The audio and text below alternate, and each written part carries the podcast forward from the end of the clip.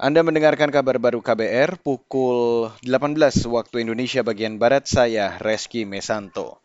Saudara Presiden Joko Widodo mengapresiasi perekonomian Indonesia yang menunjukkan tren positif. Menurutnya, ini didukung kinerja positif dan membaiknya neraca perdagangan. Apresiasi disampaikan lantaran saat ini dunia masih dihadapkan pada situasi ekonomi dan politik yang penuh dengan ketidakpastian. Surplus perdagangan juga positif Februari di angka 3,82 miliar dan kemarin di Maret di angka 4 setengah miliar surplusnya ini sangat baik.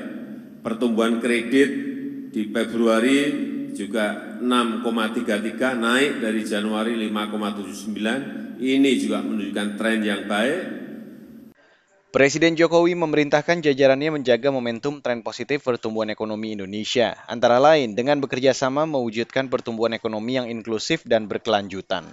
Beralih ke berita selanjutnya, Saudara, tim penyidik KPK menggeledah sejumlah lokasi di lingkungan pemerintah Kabupaten Bogor. Penggeledahan dilakukan untuk mencari bukti tambahan di kasus dugaan suap laporan keuangan yang menjerat Bupati Ade Yasin. Juru bicara KPK Livikri enggan menyampaikan secara spesifik lokasi mana saja yang tengah digeledah penyidik KPK. Selasa lalu, KPK menangkap Bupati Bogor Ade Yasin dalam sebuah OTT. Ade diduga menyuap auditor Badan Pemeriksa Keuangan Perwakilan Jawa Barat sebesar 1,9 miliar demi predikat wajar tanpa pengecualian.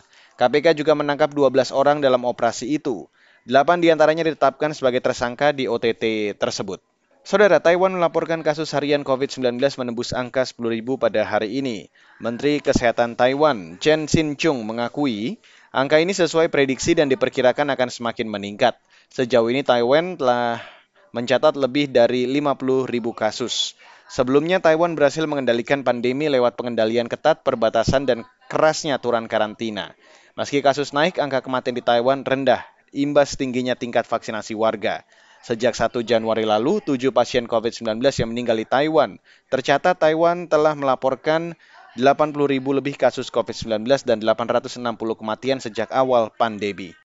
Dan saudara, demikian kabar baru saya Reski Mesanto.